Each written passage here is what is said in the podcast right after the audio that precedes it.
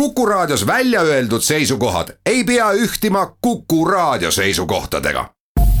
Te kuulate Kuku Raadiot.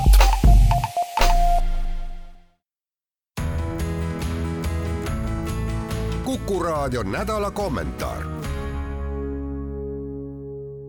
tere, mina olen Kivisildnik ja oma neljateistkümnendas jutluses räägin ma teile sellest, kui võrdsed te olete ja mis teiega tehakse, kui te võrdsed ei ole liberaalide meeleheitlikele pingutustele vaatamata ei ela me veel täielikus anarhias ja oma tegevuses ning võrdsuses peame me tahes-tahtmata lähtuma tagurlikest seadustest.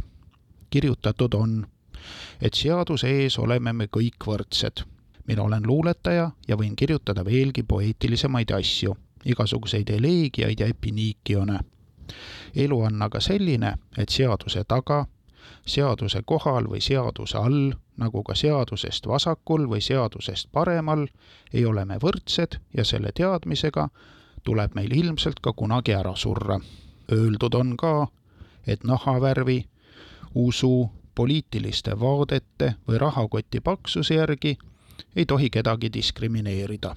aga kui te lähete endale Ferrarit ostma, siis millegipärast teid müügikeskkonnas Araabia õlisseigiga võrdselt ei kohelda advokaadibüroos ka ilmselt mitte, aga seaduse ees jah. seaduse ees oleme me kõik Seik Djiboutiga võrdsed. üldistades, vahepeal ei tohtinud üldse üldistada, sest kõik juhtumid olid üksikjuhtumid.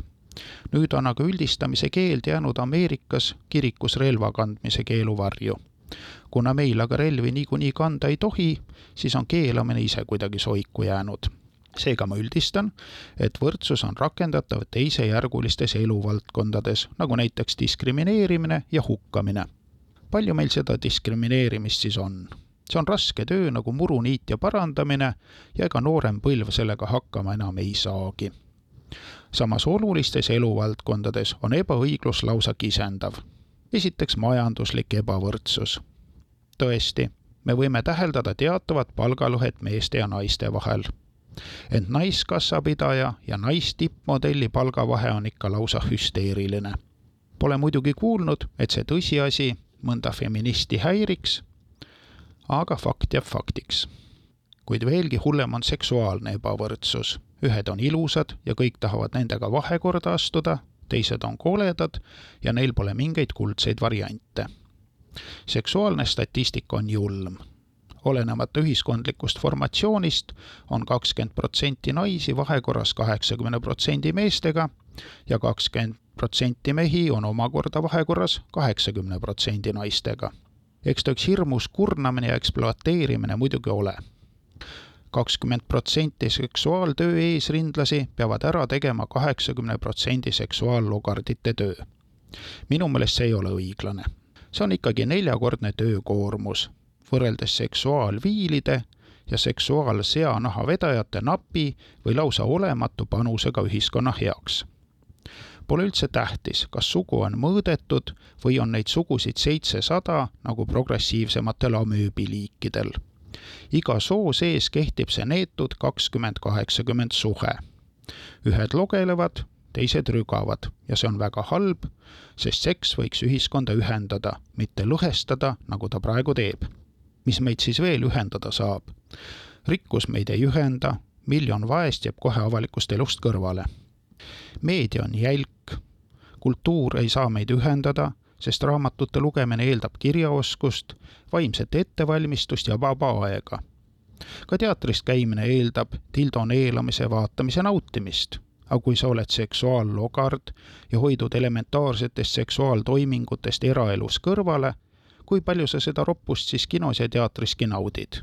mitte kuigivõrd, eks ole.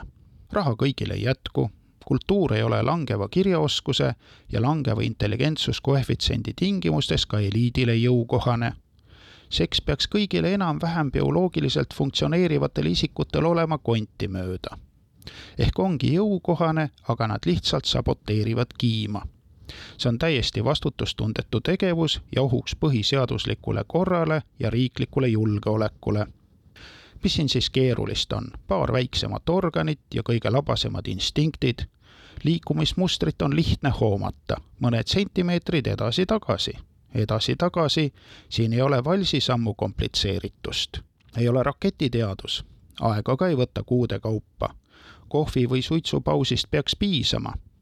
Lõuna ajal võib korraldada juba täiemõõdulise orgia ja õhtu oleks ikka vaba, võiks kaubamajja minna niinimetatud pimedal keskajal polnud seksuaallogardite probleemi.